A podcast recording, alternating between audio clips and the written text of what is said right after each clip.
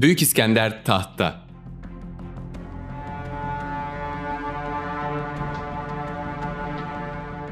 Zamansız ölüm herkesi derinden yaralar. Devletin başındaki kişi zamansız öldüğünde ise açılan derin yaralar büyük yıkımları beraberinde getirebilir. Dönemin en büyük gücüne karşı seferin neredeyse başlatıldığı gün Filipos suikaste kurban gitmiş ve devlet genç İskender'in hükmü altına girmişti. Makedonlar şanslıydı. Çünkü oğul baba kadar dirayetli, kuvvetli ve bir o kadar da Pers İmparatorluğu'nun üzerine yürüme konusunda hevesliydi. Ama şüphe insanların içini kemirdiği gibi devletlerin de içini kemirebilir. Babasının şüpheli ölümü de İskender'e karşı duyulan şüpheyi başka bir boyuta taşımıştı. Gerçekten babasını öldüren kişi o muydu?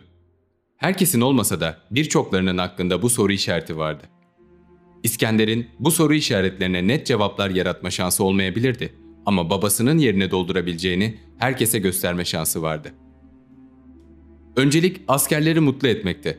Ne de olsa ellerinde silah tutan grup onlardı. Bunu yaparken iki önemli komutanın desteğini aldı. Parmenion ve Antipatros.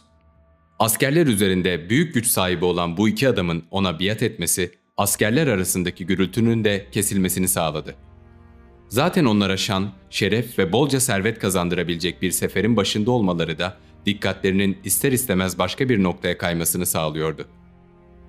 İskender'in mitolojik atasının Zeus olduğuna dair inanış, Truva Fatih'i Aşil'le kıyaslanması ve verdiği yürek kabartıcı konuşmalarda onun askerler açısından kabul edilme sürecini kısaltmıştı. Yunan devletlerini de bazı güç gösterileriyle Korintos Birliği'nde liderliğin hala Makedonya'da olduğunu gösteren İskender, babasına baş eğenlerin kendisine de eğmesi gerektiğini belirterek otoritesini perçinledi. Otoritenin perçinlenmesi mutsuz kimse olmadığı anlamına gelmiyordu. İskender bu mutsuz kesimleri oluşturan kavimlerden Getaları Trakya'da, İliryalıları Arnavutluk'ta mağlup ederek azılı düşmanları Tebailerin üzerine yürüdü. Tarih katliamlarla taş taş üstüne bırakılmayan şehirlerin hikayeleriyle doludur. Moğollar bunları doğal bir aksiyonmuş gibi tekrarlarken Roma gibi kimi imparatorluklar bir topluluğa ders verme inancıyla bu tip girişimlerde bulunurlar. Antik Yunan tarihinde bu pek fazla eşine rastlanan bir durum değildir. Şehir devletleri birbirleriyle kıyasıya mücadele ederler ama şehirleri büyük bir kıyımdan geçirmek pek başvurulan bir yol değildir. Ama Tebai'de yaşananlar bu duruma tezat oluşturacak kadar vahşiydi. Surları sert dalgalar halinde peş peşe döven Makedon askerleri kuşatma silahlarını da etkili kullanarak şehre girdiler. Bütün şehirde erkeklerin hepsi kıyıma uğradı.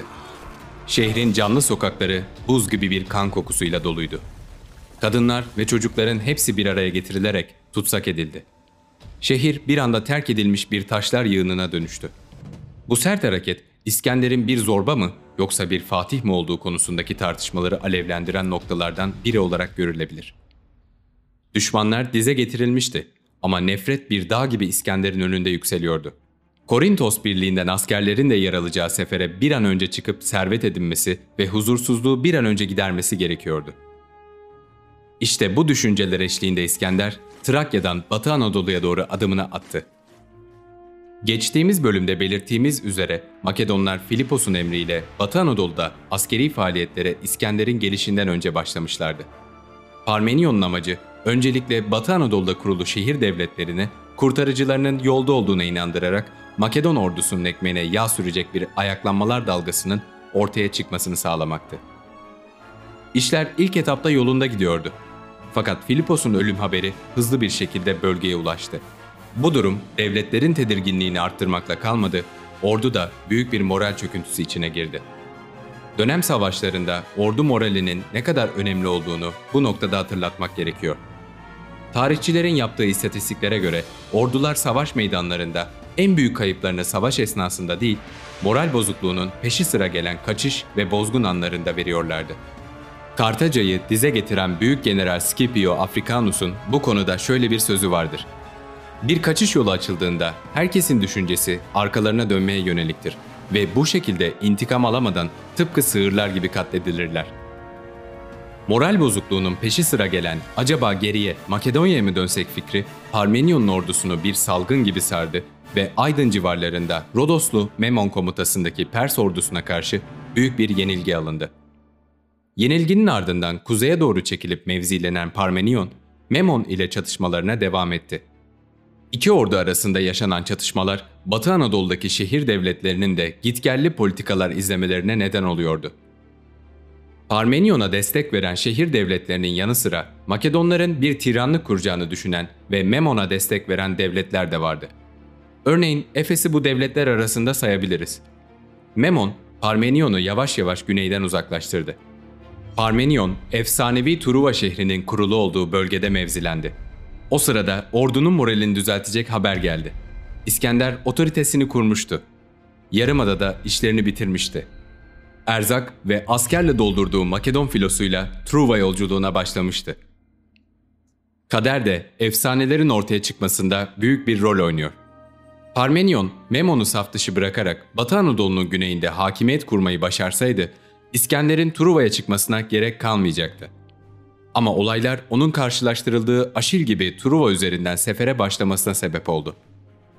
Yona Lendering'in Büyük İskender kitabında belirttiğine göre takviye güçlerle birlikte İskender'in ordusunda yaklaşık 64 bin kişi bulunmaktaydı.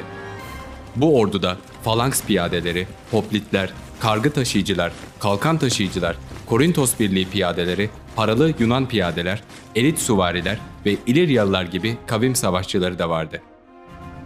Bu ilk dalgayla gelen savaşçıların çoğu geri dönmeyecekti. Hayatını kaybedenlerin yanı sıra pek çoğu da İskender'in kurduğu yeni şehirlere yerleşecek ya da yerleştirilecekti.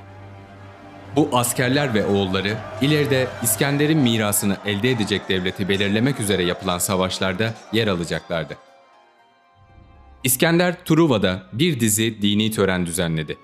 Çocukluk yıllarında hikayelerini defalarca kez okuduğu Aşil, Odysseus, Agamemnon gibi karakterler bu topraklarda savaşmışlardı.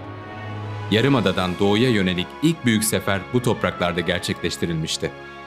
Şimdi İskender bu büyük kahramanların hayal bile edemedikleri toprakları fethetmeye hazırlanıyordu. Bu topraklar onun başlangıç nişanesiydi. Bu yüzden kurbanlar kestirmesi, törenler düzenlemesi sizce de onun hakkı değil mi? Serinin 3. bölümünde Granikos çatışmasını, Bodrum kuşatmasını ve İskender'in Anadolu'daki ilerleyişinden bahsedeceğiz. Görüşmek üzere.